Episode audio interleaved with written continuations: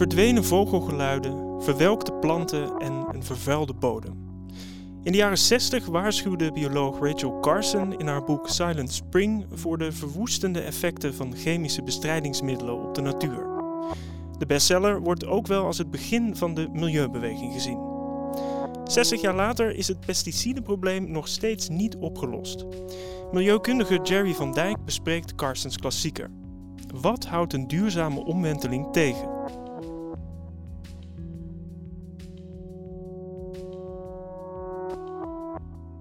Ja, dank u wel en uh, welkom uh, op deze warme avond. Uh, ik uh, vind het leuk dat u zegt van het was een bom. Zo voelt het voor mij ook een beetje toen ik het las. En um, ik begin de lezing daarom ook even met een korte schets van het tijdbeeld. Het boek is van voor mijn tijd. Ik was toen nog niet geboren toen het uitkwam, 1962. Um, en ik heb het redelijk recent gelezen. En ja, ik, ik, kon het, ik kon het niet in één keer doorlezen. Als, ik ben ecoloog van uh, opleiding en beroep. Ik hou me bezig met, uh, met biodiversiteit en de impact van uh, nou, onder andere dit soort stoffen daarop. Ehm, maar met het tijdbeeld van nu, als je, als je, als je de verhalen leest en de voorbeelden die zij, die zij aanhaalt, ja, ik kreeg een beetje buikpijn van. Dus het, het, duurde vrij lang voordat ik het uit had. Ik moest af en toe even wegleggen, even opladen en dan weer verder met, met alle ellende. Maar ik. Um, uh, neem jullie heel even mee terug naar uh, rond de Tweede Wereldoorlog. Uh, we hebben hier wat foto's uit die tijd. Um, links ziet u Rachel Carson's profielfoto. Ze werkte toen voor de US Fish and Wildlife Service in de jaren 40. organisatie die zich met natuur bezighoudt. En natuur was in die tijd ook functioneel. Dus dat was vooral ook veel natuurbescherming voor het faciliteren van de vissers en de jagers. Um, het was een gekke tijd natuurlijk met die oorlog die gaande was. En een van de kenmerken uit, uh, van deze tijd is dat er echt een razendsnelle technologische ontwikkeling was. Uh, oorlogen uh, zijn heel goed in het, in het stimuleren van innovaties, vooral op het, het, technische vlak. Dus dat is ongeveer de tijd waarin, waarin dit verhaal een beetje begint. Um, een van de technologie en een van de innovaties die uh, uit die oorlog uh, mee naar huis kwam, uh, dat waren de, was de uitvinding van een aantal pesticiden, insecticiden vooral. waarvan DDT de bekendste was. Um, en DDT werd in de oorlog gebruikt vooral om de verspreiding van besmettelijke ziektes onder de soldaten, die vaak niet onder heel hygiënische omstandigheden werk moesten doen, om dat tegen te gaan. En u ziet hier twee foto's, daar gaat wat DDT onder de oksels. Uh, hier wordt uh, iemand zijn haar ermee volgespoten en alles om uh, luizen en, en andere ellende. insecten dus die ziektes konden overbrengen om dat tegen te gaan. En dat werkte eigenlijk best wel heel goed. Dus dat, dat was iets wat, wat mee naar huis kwam. Dus heel veel van die technologieën die in die oorlog ontwikkeld zijn, uiteraard niet de meest gewelddadige daarvan, maar heel veel van die technologieën die vonden hun weg naar de huishoudens terug uh, in de Verenigde Staten. Uh, waaronder DDT, want mensen hadden thuis ook last van insecten, uh, her en der ook nog wat hygiëneproblemen. Um, en het werd ook ingezet voor de grootschalige bestrijding van ziektes zoals malaria, die ook door insecten werden overgebracht. En u ziet daar hier een foto van. Uh, een heel bang meisje. Uh, ik denk niet dat ze weet wat er in die bus zit en dat ze daarom bang is, maar ze vindt het even goed eng. Uh, dit is een foto uit Italië waar huizen aan de binnenkant helemaal met DDT werden besproeid tegen die malaria-mug. Nou, hier nog twee voorbeelden van wat huishoudelijke producten uit die tijd. Eentje uit Nederland ook. hier staat hij lacht nog, verwijzend naar een, een vlieg, denk ik. Uh, dit is een, een pompverstuiver met DDT gewoon voor gebruik in huis tegen de vliegen. En dit is de DDT-papegaai. ja, een soort luchtverfrisser die, die je in je huis hangt. En zodra er een vlieg op gaat zitten, valt die min of meer dood neer. Dus dat was ook een, een, een instrument wat je in je huis kon hangen tegen insecten. En er waren zelfs automatische uh, verstuivertjes die uh, om de zoveel tijd wat een, wolkje DDT uh, de huiskamer inbliezen om alles netjes schoon te houden. Kunnen we ons nu haast niet meer voorstellen, denk ik. nog een stapje verder, dit vond ik de meest verrassende vondsten die ik deed op het internet aan materiaal met DDT uit die tijd. dit is een reclame uit een, uit een krant voor behang voor de kinderkamer. Geïmpregneerd met DDT, even nat maken en gegarandeerd geen insecten meer die de baby lastig kunnen vallen. ook verkrijgbaar in een hele mooie Donald Duck print. Die hadden ze wel al toen in die tijd natuurlijk. Ehm, en hier is een reclameposter van ehm, een, een, bedrijf wat, wat DDT en andere bestrijdingsmiddelen maakt. Ehm, ja, wat de loftrompet uh, steekt over uh, hoe geweldig DDT is. Want uh, het beschermt ons voedsel. je krijgt er grotere, grotere biefstukken van. Want de stieren die worden minder lastig gevallen door vliegen. koeien geven meer melk. je huis is veilig. En ja, de, de prachtige reclame slogan DDT is good for me. ja, ook, ook iets in, in deze tijd vrij, vrij schokkend als je weet wat DDT doet. Maar daar komen we straks op. Ehm, maar er begon wat iets te veranderen. Dus dit is allemaal uh, ja, huishoudelijk gebruik, wat, uh, wat, kleine dingen. Ehm, maar dit soort middelen werden ook steeds meer ingezet voor uh, grotere bestrijding. in de landbouw bijvoorbeeld, waar door de hele grote monocultures die men had, steeds vaker grote plagen uitbraken. Um, en om de oogst niet verloren te laten gaan, werd dat bespoten met, met DDT. En dat gebeurde met dit soort vliegtuigen. Vaak oude vliegtuigen uit de oorlog nog. Uh, met een, uh, ja, een soort van uh, pompverstuiver eronder, waarmee je grote oppervlakte in één keer kon besproeien met DTT. Het werd opgelost in, in olie of, of gewoon als poeder uitgevlogen. Ehm, je ziet hier een aantal van de plagen waar het, waar het tegen werd ingezet. En een van de redenen waarom men zo massaal die, die middelen begon in te zetten, was doordat de wereldhandel weer op gang was gekomen. Er allerlei uh, insecten van andere werelddelen in de Verenigde Staten terechtkwamen. En uh, een voorbeeld daarvan is hier uh, de Europese maisborder, klein nachtvlindertje. En die rups die houdt heel erg van mais en andere grassen. En die kan behoorlijk de maisoogst aantasten. Um, dat was in het, in het landbouwdeel. Uh, maar ook in de natuurlijke omgeving uh, ging het mis met, uh, met exotische insecten. Een van de insecten waar het destijds om ging was de Japanse kever, die ziet u hier. Ehm, die was per ongeluk met een, lading fineerhout, wat voor de meubelindustrie uit het buitenland was gehaald, meegekomen en ontsnapt. En is zich uitgebreid gaan voortplanten in, in de bossen in de Verenigde Staten. Breidde zich daar heel snel uit en veroorzaakte ook redelijk wat schade, ook voor de houtoogst daar. Uh, dus die wilde men ook uh, bestrijden. en als laatste is er nog een schimmel mee uit Europa gekomen. een schimmel die de Ipe-ziekte veroorzaakt. En Ipe waren een populaire boom in steden.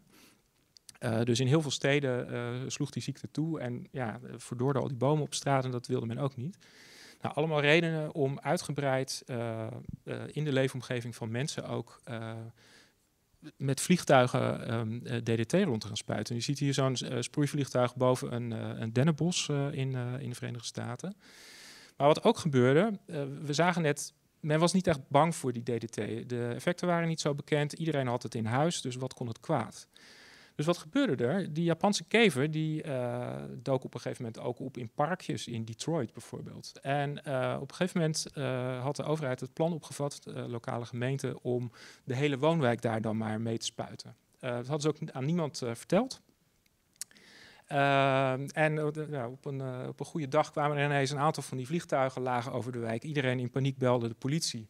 Uh, vervolgens kwamen er van, van dit soort wolken uit. Mensen zaten echt onder de troep. Mensen waren gewoon onderweg naar de winkel. Uh, hun kinderen uh, speelden buiten.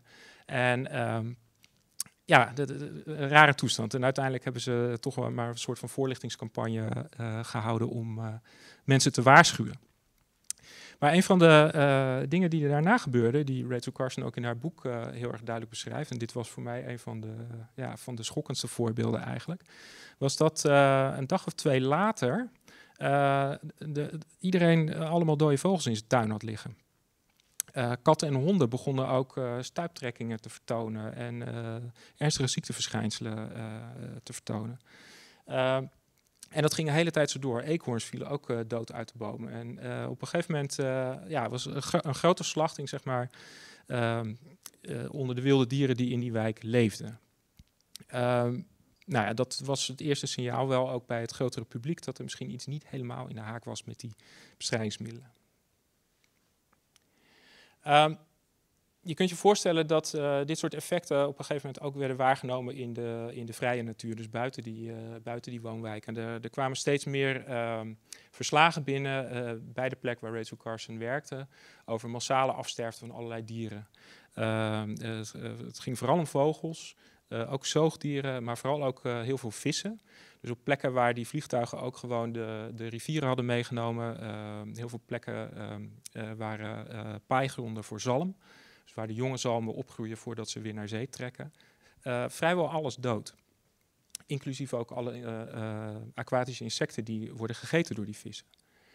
En dat stapelde zich maar op, tot op een gegeven moment Rachel Carson dacht van, ja, ik, hier moet ik iets mee.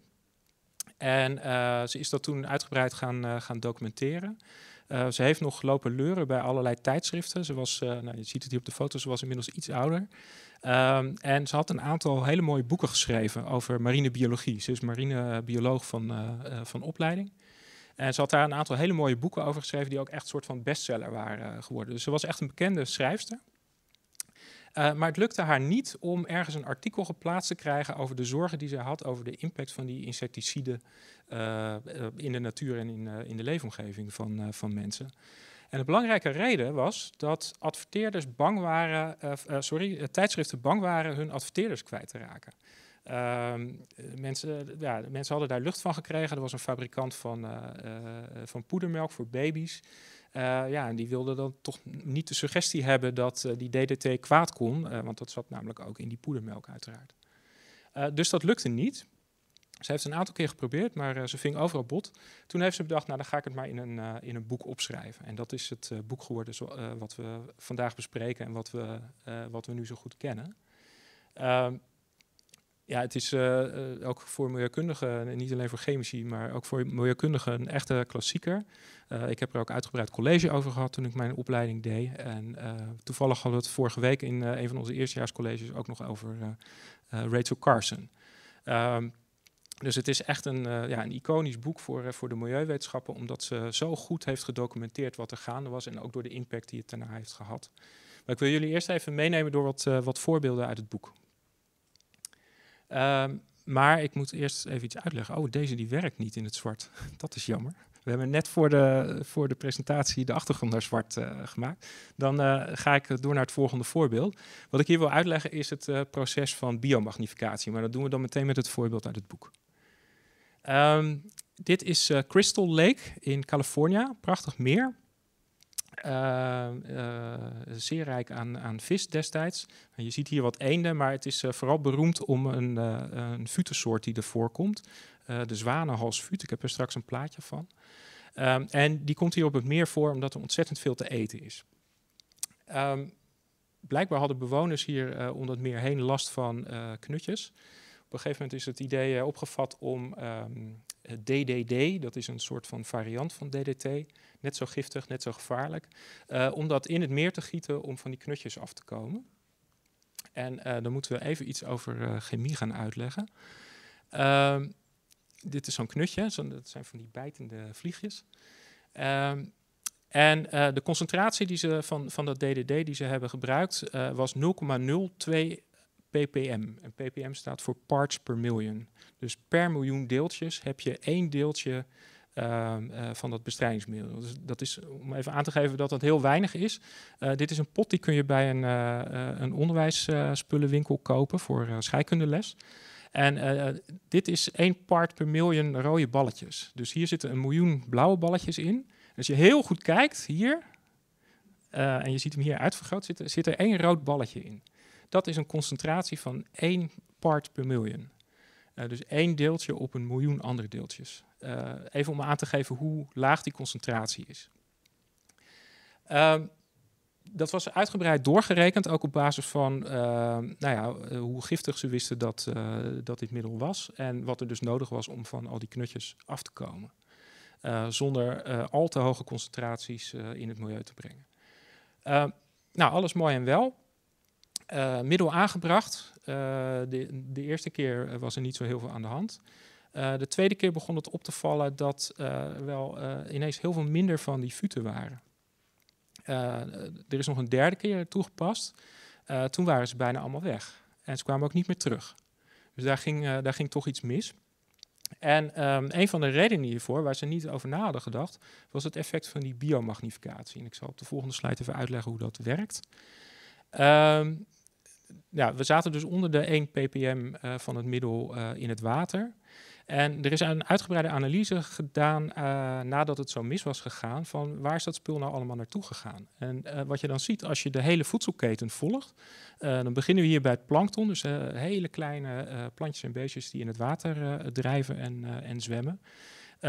die hadden al een veel hogere concentratie van, van dat DDD in hun, in hun lichaam, 5 ppm.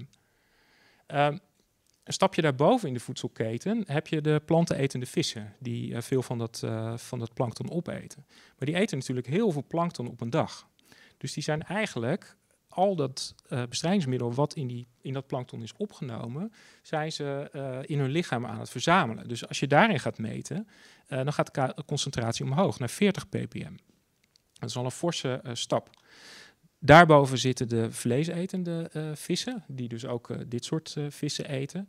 En eigenlijk zie je dat met elke stap in het voedselweb die je omhoog gaat, ja, concentreert dat middel zich steeds meer in zo'n organisme. En die carnivore vissen, die zitten al op 300 ppm. En ik heb het uh, net nog even opgezocht van wat is nou de, de dosis waar je acute vergiftiging ziet in het laboratorium. Dat testen we op, op ratten en muizen. die concentratie ligt op 130 ppm. dat is de concentratie waarbij de helft van de dieren die wordt blootgesteld acute toxiciteitsverschijnselen vertoont. Dus spasmus en dat, dat gaat helemaal niet goed dan. Um, maar het grootste probleem is natuurlijk aan de top van de voedselketen, waar die zwanenhalsvuut, waar dat meer zo beroemd om was, uh, zit. In het vet van die, van die vogels werd 1600 ppm DDD gemeten. en dat was gewoon voor de meeste vogels een, een dodelijke dosis. Dus ook al begin je met een hele lage concentratie die in principe onder de uh, veiligheidslimiet zit, door dit soort natuurlijke processen van, van ophoping door een voedselketen, uh, kun je toch enorme problemen aan uh, de bovenkant van, van die voedselpyramide creëren. Nou, dit, uh, uh, dit bleek ook heel erg duidelijk uit uh, alle onderzoeken uit die tijd en ook uit het onderzoek wat destijds in, in Nederland heeft plaatsgevonden.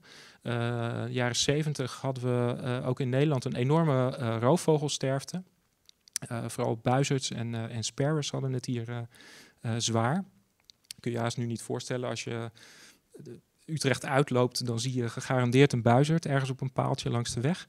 Uh, maar die, uh, daar ging het heel slecht mee in Nederland. En dat uh, had ook te maken met die ophoping van de bestrijdingsmiddelen helemaal aan de top van die voedselketen. Waar deze vogels natuurlijk zitten. En in Amerika had je dus ook de Amerikaanse zeearend, echt het nationale symbool van de Verenigde Staten. waarvan de populaties ook enorm te lijden hadden omdat, van dat uitgebreide bestrijdingsmiddelengebruik in de natuurgebieden. En uh, hier zie je de twee op tafel liggen voor, uh, voor verder onderzoek uit die tijd. Um, ja, even terug naar Europa dan, dat effect op die roofvogels. Uh, we hebben dus effecten gezien van directe toxiciteit, directe vergiftiging, omdat die stoffen zich aan de top van de voedselketen ophopen. Maar er waren ook indirecte effecten. En een van de best gedocumenteerde is het effect op de dikte van de ijsschaal van, van deze vogels. Uh, we kijken, er staat hier DDE en uh, niet DDT. Als uh, organismen DDT opnemen, dan gaan ze het proberen af te breken. En een van de stoffen die daarbij ontstaat, die nog veel langer eigenlijk in het lichaam blijft en ook giftig is, is DDE. Ehm, en uit onderzoek is gebleken dat de dikte van de ijsschaal van vogels ook beïnvloed wordt door de hoeveelheid DDE die zo'n vogel binnen heeft gekregen. En uh, dat zie je hier in het uh, bovenste plaatje. Hier staat op de x-as het uh, DDE-gehalte van het ei. Dus hoe meer naar rechts, hoe, hoe meer DDE erin zit. en op de y-as zie je hier, ja, dat heet hier de ijschaalindex, maar dat is een maat voor hoe dik en stevig die ijschaal is. En je ziet dat, dat er een tijdje lang niks gebeurt met de verhoging van de concentratie, maar op een gegeven moment gaat die vrij snel naar beneden, die, die ijschaaldikte, door de aanwezigheid van, van die pesticiden in, in dat ei. Een van de gevolgen daarvan was dat die eieren eigenlijk niet meer stevig genoeg waren om op te zitten om ze uit te broeden. Dus wat gebeurde er? Er werden wel eieren gelegd, Maar zodra die vogels daarop gingen zitten, gingen ze eigenlijk stuk. door de, door de, de dunne ijsschaal die ze door dat bestrijdingsmiddel hadden gekregen. En hoewel er dus niet dan directe slachtoffers onder die vogels vielen, zetten het wel een enorme rem op de voortplanting. Nou, dat zag je, dat zag je ook enorm terug in de, in de aantalsontwikkeling. Um, het is aangetoond dat dat uh, aan, die, uh, aan die DDE en, en DDT lag. En je kunt het ook zien als je naar het tijdverloop kijkt. In die tijd verzamelen we nog ontzettend veel data over de natuur. Dat is alleen maar minder geworden, helaas. maar daardoor kun je dit soort mooie reconstructies maken. Dit gaat van 1850 tot 1980. En dit geeft weer die ijsschaalindex weer. Dus mensen hebben lopen meten aan de dikte van die ijsschalen. Er is ook museummateriaal voor gebruikt. Waar je ook nog in terug kunt meten of die stof er nog in zit. Uh, en wat je ziet is dat het een hele tijd lang, ja, het, varieert nogal hier, met, uh, waar we veel waarnemingen hebben, maar een tijd lang is die ijsschaaldikte stabiel. Uh, hier net na de Tweede Wereldoorlog, waarin DDT wordt geïntroduceerd, zakt het als een pudding in elkaar. En hier in 1972, als het goed is, is DDT verboden. Um, en zie je eigenlijk die ijschaaldikte weer omhoog gaan. Dus ook weer een herstel van, uh, van wat er gebeurt. Dus een enorme impact op de, op de populatie van roofvogels. En dat was uh, in de jaren 80 kon je dat uh, nog steeds merken. Ik ben zelf van 1975. Ik, ik kan me herinneren dat toen ik als jongetje veel buiten was, en ik was toen ook al best wel geïnteresseerd in natuur en dieren en zo, dat ik bijna nooit buizerds zag. En nu is het gewoon, ja, ik, ik fiets de stad uit en er zitten er drie. Uh, dat, uh, je, ziet dat ook in de, in de populatieaantallen. Er zit echt een, een, enorme dip in de jaren 70 en 80. En nu is dat weer helemaal uh, terug op niveau. Allemaal terug te leiden op het gebruik van die pesticiden. Ehm, Rachel Carson beschrijft uiteraard ook effecten op mensen, omdat dat misschien mensen meer aanspreekt dan effecten op, op dieren. Ehm, ja, ze bespreekt eigenlijk alles wat er, wat er mis kan gaan als je dit soort pesticiden binnenkrijgt. Um, er zijn voorbeelden van acute toxiciteit. Dus mensen die uh, ter plekke onwel worden en uh, daar soms ook dat ook niet overleven. Er zijn veel voorbeelden van huishoudelijk gebruik van DDT in de tuin, bij de kamerplanten en zo. En mensen die zich daarbij niet zo heel goed aan de voorschriften houden. of het ook iets vaker op hun gazon uitrijden dan, dan mag. Um, ze beschrijft ook uh, ja, van diezelfde accumulatie-effecten die we, die we net in dat, uh, in dat voedselweb uh, zagen optreden. Um, dit soort stoffen lossen makkelijk op in vet, niet zo makkelijk in water. dus als je dat binnenkrijgt, gaat het zich ophopen in het vetweefsel wat je, wat je in je lichaam hebt. En het kan zelfs zo zijn dat ehm, daar kan het op zich nog niet zo heel veel kwaad. Maar als je bijvoorbeeld ziek wordt, of je gaat op een streng dieet en je gaat dat vet verbranden, dan kan het ineens allemaal weer vrijkomen. Dus uh, als je elke keer een heel klein beetje binnenkrijgt waar je niet ziek van wordt, uh, gaat het zich ophopen. Maar als het dan in één keer vrijkomt, uh, kan je er spontaan door vergiftigd raken. Wat onderzoek ook steeds meer aan begon te geven, is dat het kankerverwekkend is. En dat gaat niet alleen over DDT, maar ook over alle andere stoffen die, die in die groep horen. Um, dat werd pas op heel lange termijn werd dat duidelijk. Uh, dat manifesteert zich pas na, na, tientallen jaren. En zeker als uh, de concentratie in je lichaam langzaam elke keer met uh, elke dosis die je in de tuin gebruikt een klein beetje omhoog gaat, eh, treedt dat pas op. En ze beschrijft ook allerlei effecten op, op de voortplanting, um, ook van mensen. Nou, je ziet hier een aantal voorbeelden van het, uh, van het gebruik in die tijd. Er werd vrij uh, laconiek mee omgegaan in de landbouw met uh, handsproeiers. Maar ja, mensen gebruikten het ook gewoon in de tuin met, met van die handsproeiertjes. En ook mensen die beroepsmatig, tuinmannen bijvoorbeeld, met die middelen in aanraking kwamen. daar traden vaak die, die verschijnselen op.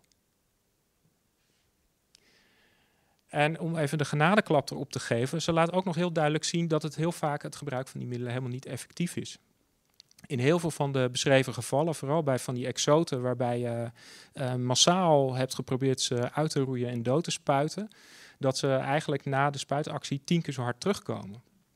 En uh, een van de, uh, om daar een voorbeeld van te geven op wat kleinere schaal, heb ik nog even in mijn oude studieboek ecotoxicologie gekeken. Dat schreven ze toen nog met OE, ecotoxicologie was dat, van professor Van Stralen.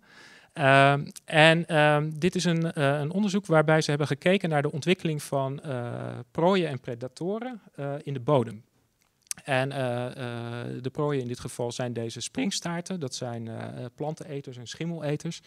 als je slecht voor je planten zorgt, dan zie je wel eens van die kleine dingetjes rondspringen op je plant. Dat zijn, dat zijn springstaarten.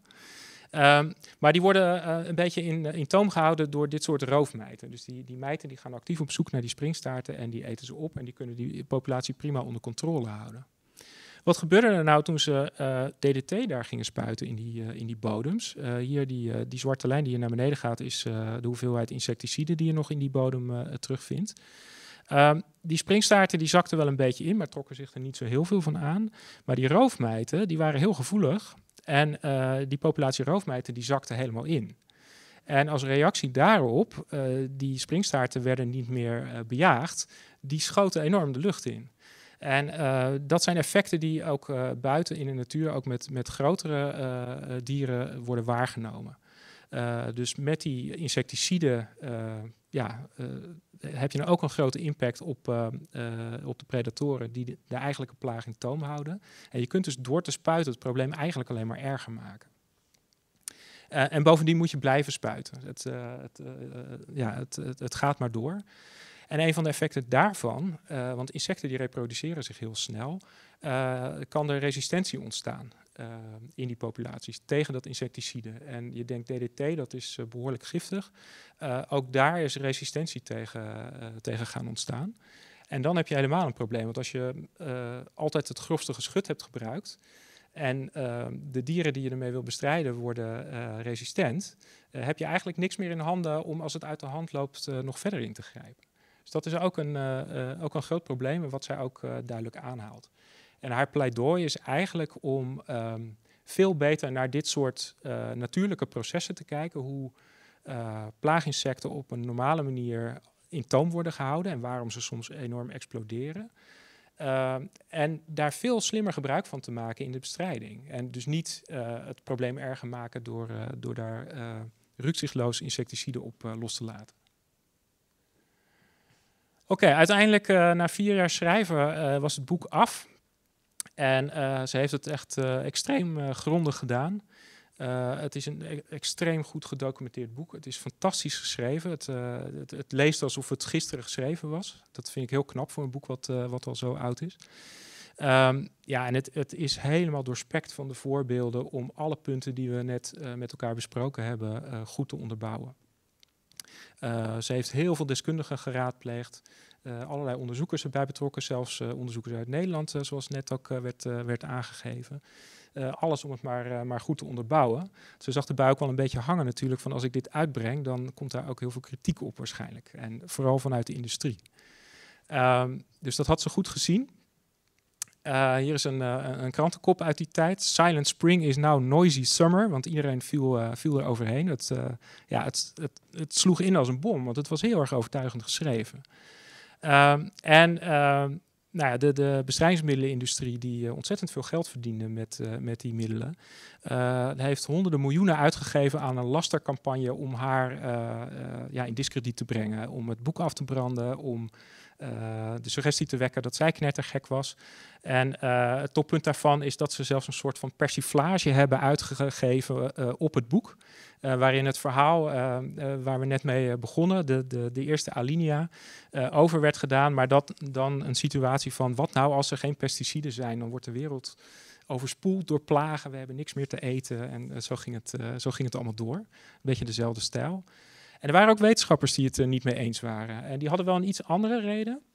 Die waren namelijk heel erg bezorgd dat die bestrijding van ziektes als malaria en dergelijke uh, in gevaar kwamen. Want ja, daar werd DDT ook wel voor ingezet.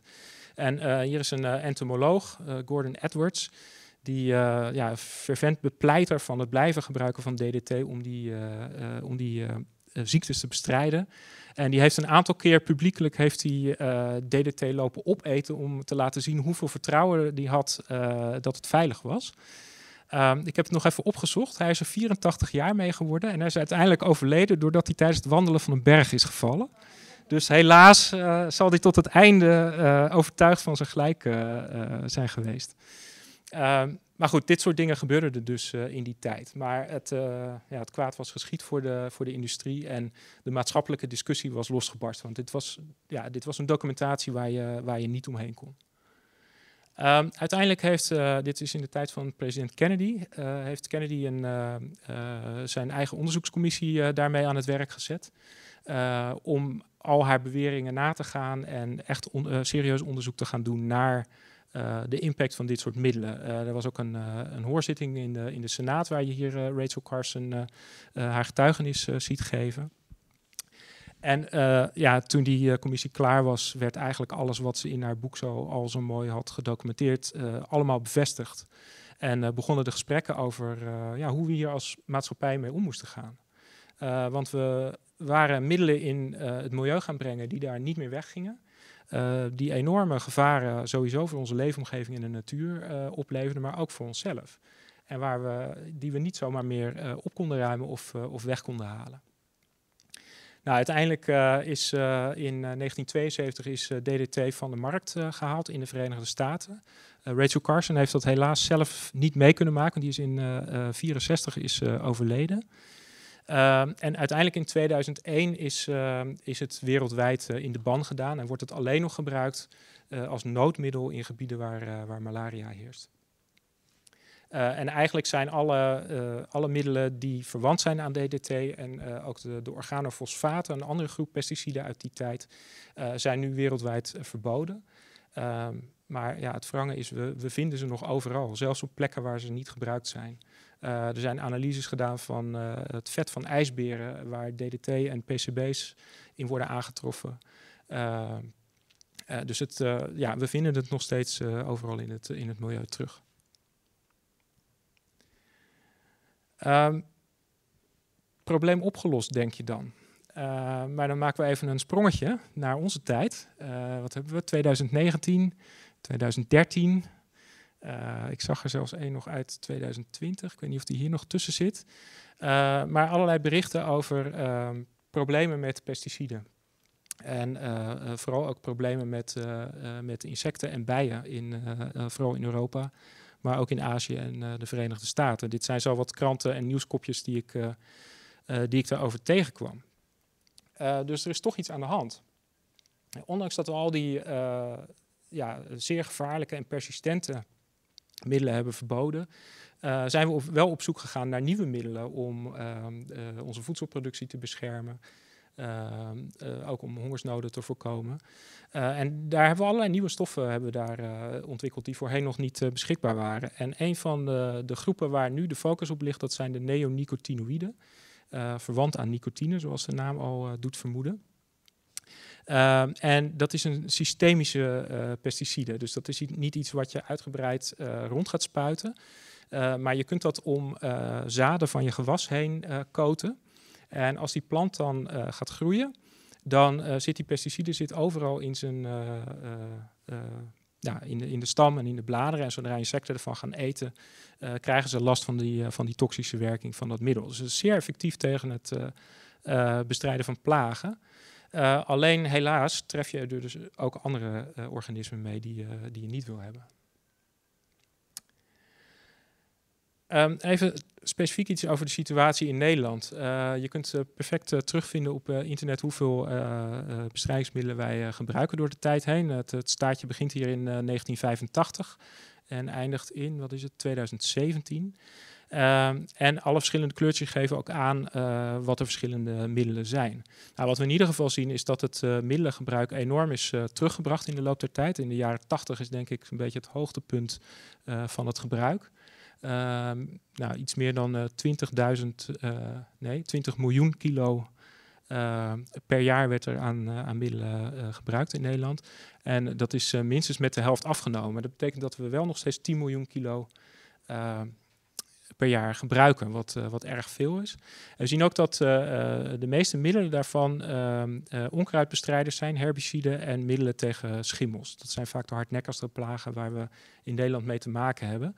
En um, er is een heel klein balkje insecticide, maar dat is een klein beetje misleidend. Want het gaat hier over uh, kilo's actieve stof. En we zagen net al in het voorbeeld van DDT met die ppm's, als u dat nog kunt herinneren, dat je maar heel weinig actieve stof nodig hebt om een effect te bereiken. Dus ondanks dat dit balkje klein is, heeft het toch een, kan het toch een behoorlijke impact hebben. Nou, dat, uh, dat houden we een beetje bij, gelukkig in Nederland, uh, waar die pesticiden allemaal uh, belanden. de waterschappen die, die monitoren dat voor zover ze alles kunnen meten. Want, er komen steeds nieuwe stoffen op de markt. en heel veel van die stoffen kunnen we gewoon chemisch nog niet goed vaststellen. In ieder geval niet in de concentraties waarin ze voorkomen. Um, maar men probeert dat systematisch bij te houden in het oppervlaktewater. En uh, het is voor iedereen, is die, die data is ook beschikbaar in de bestrijdingsmiddelenatlas op internet, waar je uh, voor elke stof kunt opzoeken waar die gemeten is. Uh, en nog belangrijker, of die de normen overschrijdt. En um, helaas doen ze dat nogal. zoals je ziet op deze, deze kaart. Um, dit is de kaart van insecticiden. En nou, als het stipje groen is, is er geen enkele stof die de norm overschrijdt. Maar als er kleur in begint te komen eh, eh, en hoe roder het wordt, hoe meer stoffen de norm uh, overschrijden. En je ziet dat op een behoorlijk aantal plekken in Nederland in het oppervlaktewater de, de milieunormen voor deze stoffen ruimschoots worden overschreden. En nou, er zit hier een hele grote piek rond het Westland. Dat is ook niet toevallig. Ehm, zeker in de glastuinbouw, waar je alles binnen hebt. Uh, maar één soort gewas uh, vaak verbouwd, is die plaagdruk gewoon heel erg hoog. En het is heel erg lastig, ondanks dat het een gesloten systeem is, om die pesticiden daaruit te filteren voordat het water die kas uitgaat. En ik zeg lastig. En lastig betekent eigenlijk heel erg duur. We hebben wel met z'n allen afgesproken dat we dat gaan uitfaseren, maar er is in 2018 uh, aan de glastuinbouw wat uitstel verleend, omdat het uh, ja, gewoon het failliet van een groot aantal bedrijven zou betekenen als we dat uh, moeten doorvoeren. maar we zijn dus niet van af. En om jullie nog een, een, beetje banger te maken, we winnen ook grondwater en oppervlaktewater om drinkwater van te maken, wat bij ons uit de kraan komt. Ehm, inmiddels wordt in een derde van die windpunten die we daarvoor gebruiken, worden pesticiden aangetroffen. De meeste gelukkig nog niet boven de norm, maar uh, dat kan nog onderweg zijn. Uh, dus ook vanuit die hoek begint het een, uh, een beetje zorgelijk te worden van ja, we, we, passen al die middelen gewoon maar toe in de omgeving. en eigenlijk zijn we die, die les die Rachel Carson ons probeerde te leren, zijn we, zijn we een beetje vergeten ergens onderweg. Want we zijn nu eigenlijk precies hetzelfde aan het doen. Stoffen waarvan we niet zo heel goed weten wat voor impact ze hebben, wat ze gaan doen, wel op grote schaal al aan het inzetten in, in de leefomgeving. Nou, hoe zit dat dan met die impact op die insecten? Ik denk dat de meeste van jullie het uh, wel voorbij hebben zien komen destijds in het nieuws. Uh, er was een grote uh, studie in, in Nature. Of, nou, dit, deze stond in de Proceedings of the National Academy of Sciences. Het zijn collega's uit Nijmegen, van de Universiteit van Nijmegen. En uh, die hebben een hele grote dataset van insecten uh, bestudeerd uh, die in Duitsland is verzameld in natuurgebieden. Dus dit is niet in landbouwgebied, maar in natuurgebieden. En hier zie je wat van die foto's van hoe ze dat doen. je zet een soort van tentje zet je op met een donkere onderkant en een lichte bovenkant. op een gegeven moment als dit opwarmt en de zon erop komt, dan gaan al die insecten die daar zitten, die gaan naar boven kruipen. En heel gemeen hangen hier als onderzoeker dan een klein potje met alcohol waar ze dan netjes invallen. En dan kun je ze allemaal tellen. Nou, dat is op heel veel plekken in Duitsland is dat systematisch gedaan uh, om uh, ja, gewoon om bij te houden wat daar, uh, wat er gebeurt. En toen die data op een rijtje werd gezet, kwam deze grafiek daaruit, een hoop gewiebel eromheen. maar het gaat even om deze gemiddelde zwarte lijn die heel hard naar beneden gaat. En we kijken hier naar een maat van het aantal grammen insecten dat ze per dag vingen. En dat begint bijna bij 10 in de jaren 90. En hier, het laatste jaar was 2017, eh, is dat gezakt naar ongeveer 2. Uh, eh, dus dat betekent dat we bijna 80% uh, eh, aan biomassa van vliegende insecten zijn kwijtgeraakt in een periode van maar 27 jaar. Um, het ingewikkelde was, en dat, dat is altijd heel ingewikkeld met, met pesticidenonderzoek in het veld, het is heel moeilijk om aan te tonen waar dit nou precies door komt. Uh, die studie is daar ook helemaal nooit voor opgezet. Dit, is gewoon, dit zijn gewoon mensen die insecten leuk vinden en wilden weten wat er in de Duitse natuurgebieden zat en hoeveel. Uh, maar uh, deze onderzoekers die hebben wel een poging gedaan en die hebben allerlei factoren, uh, zoals het omliggende landgebruik, klimaatverandering, dat soort zaken, hebben ze geprobeerd te, te, relateren aan deze afnemende trend. En niks paste eigenlijk. Uh, 80% van de variatie in die afname is, werd niet verklaard door de meest voor de hand liggende factoren. En een van de dingen waar wel naar wordt gekeken, zijn weer die pesticiden. en niet alleen pesticiden, maar ook de, ja, de intensivering van, van de landbouw. Die landbouwgrond ook gewoon minder geschikt maakt voor insecten om te overleven. Um, hier dan een studie van dezelfde auteurs, waar ze in Nederland hebben gekeken van, uh, nou ja, hoe gaat het hier dan uh, met vogels? Het idee was van, ja, als, als het slecht gaat met die insecten, dan zal het waarschijnlijk ook wel slecht gaan met insectenetende vogels, zoals je hier ziet de, de boerenzwaluw. Dus dat zijn ze uitgebreid gaan testen. En je ziet hier een kaartje van het, het, gebruik van imidacloprid, dat is een van die neonicotinoïden. Ehm, en je ziet uh, dat er een aantal plekken zijn waar dat, uh, waar dat vrij fors uh, wordt, wordt gebruikt. En daar zijn ze gaan kijken van hoe zit het daar dan met de insectenstand en ook met de, met de vogelstand. En als je dat dan ook weer in zo'n grafiekje uitzet, we zien weer een hele hoop variatie om het gemiddelde heen. Maar wat je ook ziet is hoe hoger die imidacloprid concentratie die je in het oppervlaktewater aantreft, dat zijn diezelfde metingen als die we net zagen voor de bestrijdingsmiddelenatlas. Um, hoe uh, negatiever de trend van de vogels is. Dus dat wil zeggen dat uh, die vogels, zoals die zwaluw, maar ook spreeuwen hebben ze naar gekeken, mussen, een aantal insectenetende vogels, dat op plekken waar heel veel van dat middel wordt gebruikt, die populaties achteruit aan het gaan zijn. Um, en die gaan achteruit met iets van 3,5% per jaar. Um, dus daar zie je een, uh, een duidelijke impact van een uh, insectenbestrijdend middel, wat zich door die voedselketen heen weer naar boven toe uitvergroot.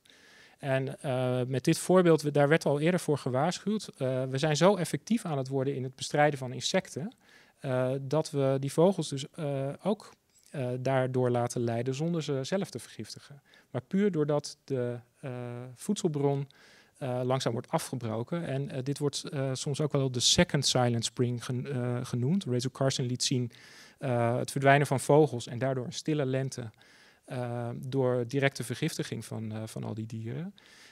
maar we zijn nu zo effectief in het bestrijden van, van plagen dat er veel te weinig te eten is voor de meeste vogels, waardoor ze ook dreigen te verdwijnen. Uh, nou, nog een laatste uh, voorbeeld hiervan. Dit is een, uh, een voorbeeld in Japan, ook vrij goed gedocumenteerd. een heel mooi meer met een eilandje in het midden. Als je heel goed kijkt, dan zie je allemaal van die stokjes staan van staande netten van vissers. er wordt daar onder andere op, op paling gevist en een aantal andere vissoorten. En het viel daar heel erg op dat er vanaf de jaren negentig ineens een enorme ineenstorting was van de visstand. Er werd bijna niks meer gevangen. En dat moment dat viel exact samen uh, met het moment waarop de boeren die rondom dat meer uh, landbouwbedrijven die neonicotinoïden begonnen te gebruiken. En uh, je ziet dat hier in het staartje, die, al die lijntjes hier, dat, dat zijn de hoeveelheden van, van die verschillende vissoorten. En je ziet hier op het moment dat die neonicotinoïden werden, werden ingevoerd en in het water terechtkwamen, een enorme ineenstorting. En als we dan hier uh, boven naar dit plaatje kijken, ik heb hier zelf dat streepje even ingezet, dan zie je ook op het moment dat uh, die neonicotinoïden uh, gebruikt gaan worden, een complete ineenstorting van de hoeveelheid plankton in dat meer, wat het voedsel weer is voor die vissen. Dus ook daar zie je zo'n zo'n effect door de voedselketen heen van het bestrijden van, ja, in dit geval niet bewust bestrijden, maar het, het verdwijnen van, van de voedselbron. Oké, um, als milieukundige word je altijd op een gegeven moment echt heel erg uh, depressief als je dit soort verhalen moet houden. Uh, zo gaat het ook met klimaatverandering, uh, de stikstofcrisis, enzovoort, enzovoort. Dus ik wil het ook graag even over oplossingen hebben. Dat is altijd een, een prettig idee om even mee af te sluiten. want kunnen we nou wat doen? We willen niet dat die oogsten verloren gaan, omdat het een risico is voor de voedselzekerheid. Dat is destijds een belangrijke reden om, om dit soort middelen zo uitgebreid in te gaan zetten. Er zijn een aantal ontwikkelingen die ik jullie uh, wil laten zien. Een beetje moderne ontwikkelingen die je misschien wel al kent, misschien nog niet. Uh, die kunnen leiden tot een drastische vermindering of zelfs afschaffen van het gebruik van, uh, van die middelen zonder dat je voedselproductie daaronder leidt. En een van de dingen waar nu naar wordt gekeken, en die past ook het beste in de manier waarop we nu landbouw bedrijven, is precisielandbouw. En uh, precisielandbouw is, uh, is eigenlijk uh, het opvolgen van het advies van Rachel Carson. Rachel Carson was niet per se tegen het gebruik van, van bestrijdingsmiddelen. maar ze benadrukte echt van denk nou na wat je doet. Kijk goed waar je ze nodig hebt, wanneer je ze nodig hebt en zet ze alleen in als dat nodig is. Nou, dat is precies wat precisielandbouw ook doet. Um, ik heb met één bedrijf gewerkt die, ja, die een soort testlocatie hiervan was. Die hadden jongens op van die quads. Die door de akker reden en die hadden een GPS op die quad zitten, zodat je precies kon zien waar die, waar die was. dit soort drones hadden we toen nog niet, die gebruiken ze nu. en die keken gewoon van waar gaat het mis? Waar zie ik die plaaginsecten of waar zie ik dat die, dat die planten eronder lijden? drukken ze op die knop, wordt in de centrale computer geregistreerd. Die staat in verbinding, zoals je hier een beetje op het, op het plaatje ziet, met de tractoren die, die al die middelen uitrijden. Ehm, die worden GPS gestuurd, gaan die over die akker. En precies op de plekjes waar, waar het probleem is, daar wordt gespoten en de rest niet. Enorme besparing van, van de hoeveelheid middelen. Uh, dit is heel erg duur. Zo'n systeem is echt, echt krankzinnig duur. Dat is voor een individuele boer niet op te brengen. Die mensen waar ik over de vloer kwam, dat waren alle boeren in één polder die dat samen hadden aangeschaft. En die werden ook nog gesponsord door de computerfabrikant die dat maakte. Maar dit kun je ook inzetten voor bemesten en, en andere zaken. er waren ook boeren die met boerenslimheid dat gewoon zelf deden. Er was één boer die had gewoon een, een, een potje in zijn gewas staan. Daar keek hij elke dag even in. En als er te veel van de plaaginsecten waren waar hij bang voor was, dan ging hij spuiten en anders niet. En een fruitteler ook, die had door van oké, als het windstil is en het is vochtig, het heeft net geregend, dan krijg ik schimmel in mijn boomgaard. Uh, dus die had zo'n weerstationnetje had hij gekocht. En dan kon hij het allemaal precies bijhouden. En hij had zelf een beetje bijgehouden van oké, wanneer gebeurt dat dan? Nou, als, als die combinatie van factoren optrad, dan ging je spuiten, anders niet. Ook een enorme reductie. Dus door gewoon even slim te kijken van uh, wat gebeurt er, uh, kun je al heel veel winst maken. Dan meer de inzet van, van de ecologie. Natuurlijke plaagbestrijding wordt ook al tijdenlang mee geëxperimenteerd. dit is een foto van onderzoek wat ik in Zeeland heb gedaan, waar ze dit soort bloemenranden inplanten langs de akkers.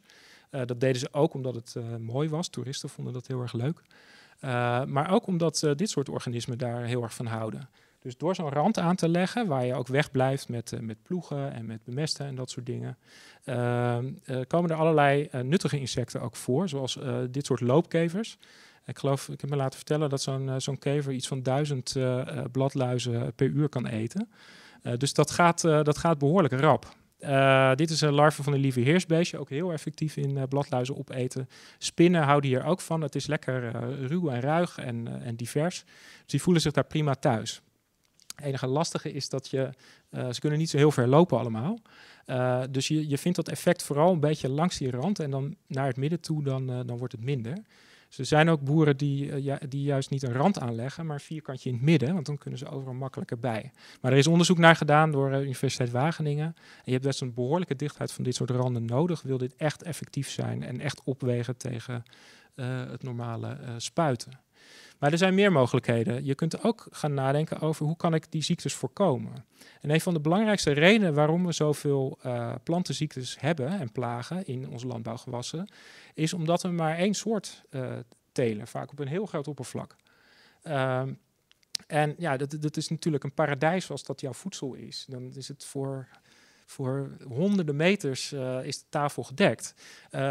Dus dat is eigenlijk helemaal niet zo slim uh, vanuit het oogpunt van, van ziektebestrijding. En daar wordt nu mee geëxperimenteerd. Dit is een foto uit Flevopolder. daar hebben ze gezocht naar een systeem van hoe kan je nou meer variatie daarin aanbrengen zonder dat je dan een, meteen een andere tractor hoeft te kopen of wat dan ook. Dus daar hebben ze van dit soort stroken aangelegd. Die zijn ongeveer 6 meter breed. Dan kun je in één keer met zo'n grote maaimachine kun je dat, kun je dat oogsten. En uh, je ziet dat heel veel van die, uh, uh, van die verschillende gewassen, waar dus ook verschillende organismen op afkomen die dat lekker vinden, naast elkaar staan. En af en toe zit er ook nog zo'n mooie bloemenrand tussen, waar al die roofinsecten ook in voorkomen. het werkt als een trein. Dit wordt niet bespoten, helemaal niet. En tot nu toe zijn de productieniveaus net zo hoog als dat je dit in een conventionele teelt zou doen. Dus dat is een behoorlijk spectaculair resultaat. Um, er is nu onderzoek gaande wat het nog een stapje verder brengt. Dat is uh, het zogenaamde pixel farming. En daar ga je helemaal los met diversiteit. Daar zet je in principe alles wat je wil verbouwen dwars door elkaar heen. dus diverse kan het, kan het bijna niet worden. Ook heel effectief om plagen eruit te houden. Maar je kunt je voorstellen dat dit heel ingewikkeld oogsten wordt. Zeker als je een boerderij van 60 hectare hebt. Um, dus er wordt nu extreem uh, geëxperimenteerd met robotica die verschillende gewassen kan herkennen. daar ook verschillend mest op kan spuiten en ze ook apart van elkaar kan oogsten. Maar dat staat allemaal nog in de kinderschoenen. gigantisch duur, dat, dat, dat zullen we voorlopig nog niet in de praktijk veel zien, denk ik. Maar het is wel wat kleinschalige moestuiniers ook gebruiken. Dan nog iets revolutionairs uit onze eigen koker. Tenminste, ik zeg eigen, maar met eigen bedoel ik de Universiteit Utrecht. Mijn collega's bij biologie die zijn hiermee bezig. Die proberen er heel erg achter te komen van wat maakt zo'n plant nou gevoelig voor, voor ziekte? En, en, kunnen we dat dan inzetten om zonder bestrijdingsmiddelen de gezondheid van die plant te waarborgen? En waar zij achter zijn gekomen, en ik, ik vond het echt zo spectaculair dat ik dat voor het eerst hoorde, is dat uh, planten, net als mensen, een microbioom hebben. Ik weet niet of jullie weten wat dat is, maar we hebben allerlei micro-organismen in onze, in, onze darmen zitten. Uh, die, uh, ja, die goed zijn voor onze gezondheid. ze voorkomen dat er ziektes uitbreken doordat ze dat onderdrukken. zorgen ervoor dat we een goede weerstand hebben en dat soort dingen. En de mensen ik, dit hebben jullie vast wel eens in de supermarkt gezien, Yakult. Uh, het idee is, daar zitten heel veel van dat soort goede bacteriën in. En als je dat dan drinkt, dan, ja, dan draagt dat bij aan je eigen weerstand tegen ziektes. Wat mijn collega's hebben ontdekt, is dat het bij planten ook zo werkt. Als er bepaalde micro-organismen rond de wortel uh, in de bodem zitten, dan zijn ze weerbaar tegen bepaalde schimmels die daar voorkomen. Uh, het gaat hier in, uh, in, deze proef om een, uh, om een, bacterie. Als die bacterie aanwezig is, dan gaat die plant zelf een soort van afweermiddel maken tegen die schimmelinfectie, wat heel erg effectief is. Haal je die bacterie nou weg uit die bodem, en dat hebben ze precies hier in dit proefje gedaan, en ze hebben er een soort van lichtgevend kleurstofje bij gedaan, dat je kunt zien of die plant dat schimmelwerende stofje nou produceert of niet. haal je die bacterie helemaal weg uit die bodem, dan is die plant ook ineens veel vatbaarder uh, voor die schimmel. En zo hebben ze nog een aantal van dat soort uh, relaties gevonden. Dus tussen de micro-organismen die rondom die wortels voorkomen en de resistentie van zo'n plant tegen ziektes. En waar ze nu mee bezig zijn, is van kun je dat dan ook omdraaien? Kun je net als wij met Yakult doen, uh, kun je gewoon een flesje van die gunstige micro-organismen rond die planten uitstrooien. om ze weerbaarder te maken tegen ziektes. Dat Staat nog in de kinderschoenen, maar uh, ziet er wel heel veelbelovend en spectaculair uit. En uh, ik denk dat Rachel Carson echt uh, met een zeer grote glimlach naar dit onderzoek gekeken zou hebben. ja, omdat het bijna tot in het ultieme gebruik maakt van echt kennis over hoe de natuur werkt. om dat in te zetten om die hoeveelheid bestrijdingsmiddelen te verminderen. Oké, en dan de hamvraag van vanavond waarom doen we het dan niet? Um, ik heb hier nog even een, uh, een uh, staatje weergegeven over de hoeveelheid biologische akkerbouw die we in Nederland hebben over, sinds 2011. En je ziet, nou ja, het, is, het, hangt ongeveer op de 3% en dan hangt het al jaren. En ik kreeg laatst een, een boekje van een collega van mij in Wageningen, wat hij voor het ministerie van Landbouw had geschreven uit, wat was het? 2003 geloof ik. Waarbij de ambitie was dat het in 2010 eh, toch wel echt op 30% zou zijn, het biologisch landbouwareaal. Nee dus. Ehm, en er zijn twee redenen voor. Uh, dit soort maatregelen inzetten kost veel geld.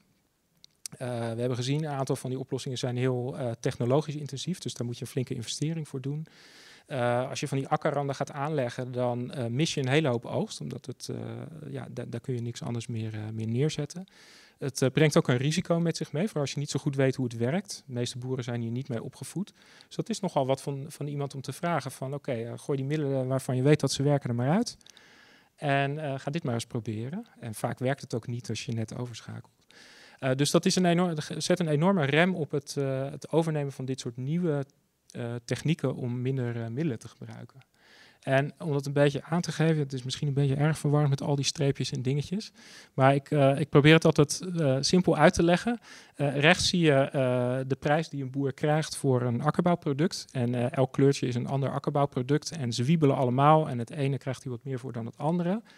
Maar als je een beetje door je oogharen heen kijkt, zie je dat al die lijnen sinds 2002, en als je dat verder terugtrekt, zie je dat ook, die lopen allemaal een beetje vlak. Soms is het wat meer, soms is het wat minder. Maar die prijs, die is eigenlijk altijd gelijk gebleven. Kijk je naar links, uh, en hier mag je alle kleurtjes vergeten, kijk gewoon naar de hoogte van het balkje. Dit zijn de kosten die een boer moet maken uh, om zijn bedrijf te kunnen runnen. En je ziet dat die alleen maar toenemen. Nou, je hoeft geen econoom uh, te zijn om dat bij elkaar op te kunnen tellen en het effect daarvan te kunnen beredeneren. het is gewoon echt heel erg lastig op dit moment om een goede boterham te verdienen met, met landbouw. Dat geldt niet voor alle vormen van landbouw. Uh, maar vooral melkveehouderij en in mindere mate ook, uh, ook akkerbouw uh, is het echt lastig. En een boer die ik ken, die zegt ook van een boer die rood staat, die kan niet groen doen. en dat vat het wel ongeveer samen. Ehm, dus ja, dit is de discussie die nu loopt. als wij duurzamer met onze leefomgeving willen omgaan, zullen we er ook wat voor over moeten hebben. Uh, en dat zal onder andere, uh, is de verwachting, via voedselprijzen moeten gaan. Want nu uh, wordt de schade die, die wordt berokkend aan onze leefomgeving en de kosten die we maken om het op te ruimen, die zitten niet in het product wat je in de winkel koopt. worden wel gemaakt en worden betaald van onze belasting, dus we betalen er toch voor. maar je zou ook kunnen kijken van, nou ja, kun je daar een, een, een soort van, we noemen dat een level playing field, dus uh, gelijke monniken, gelijke kappen vertaalt het ongeveer in het Nederlands.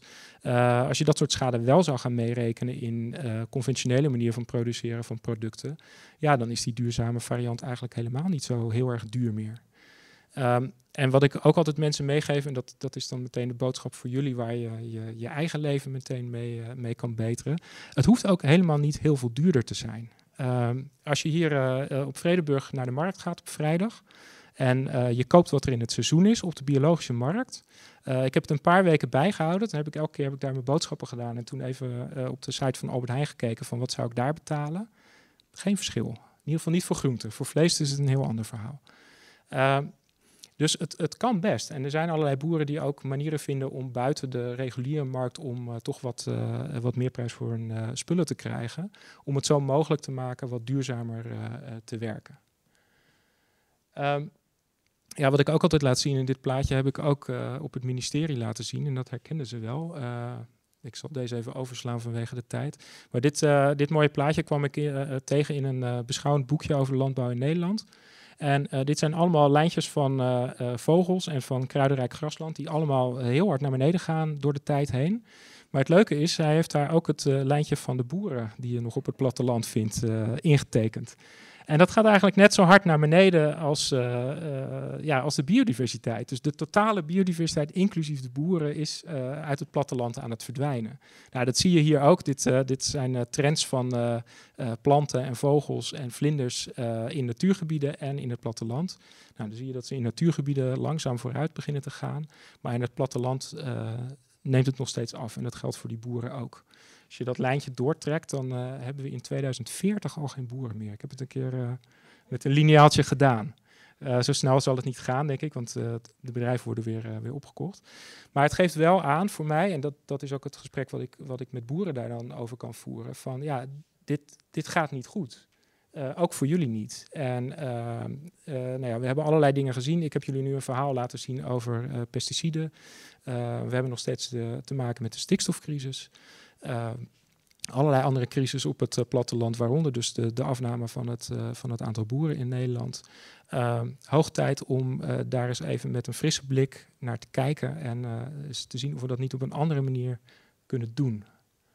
En met deze prachtige foto van zonder bestrijdingsmiddelen geteelde groenten van een boerderij in Bokstel dank ik jullie voor je aandacht.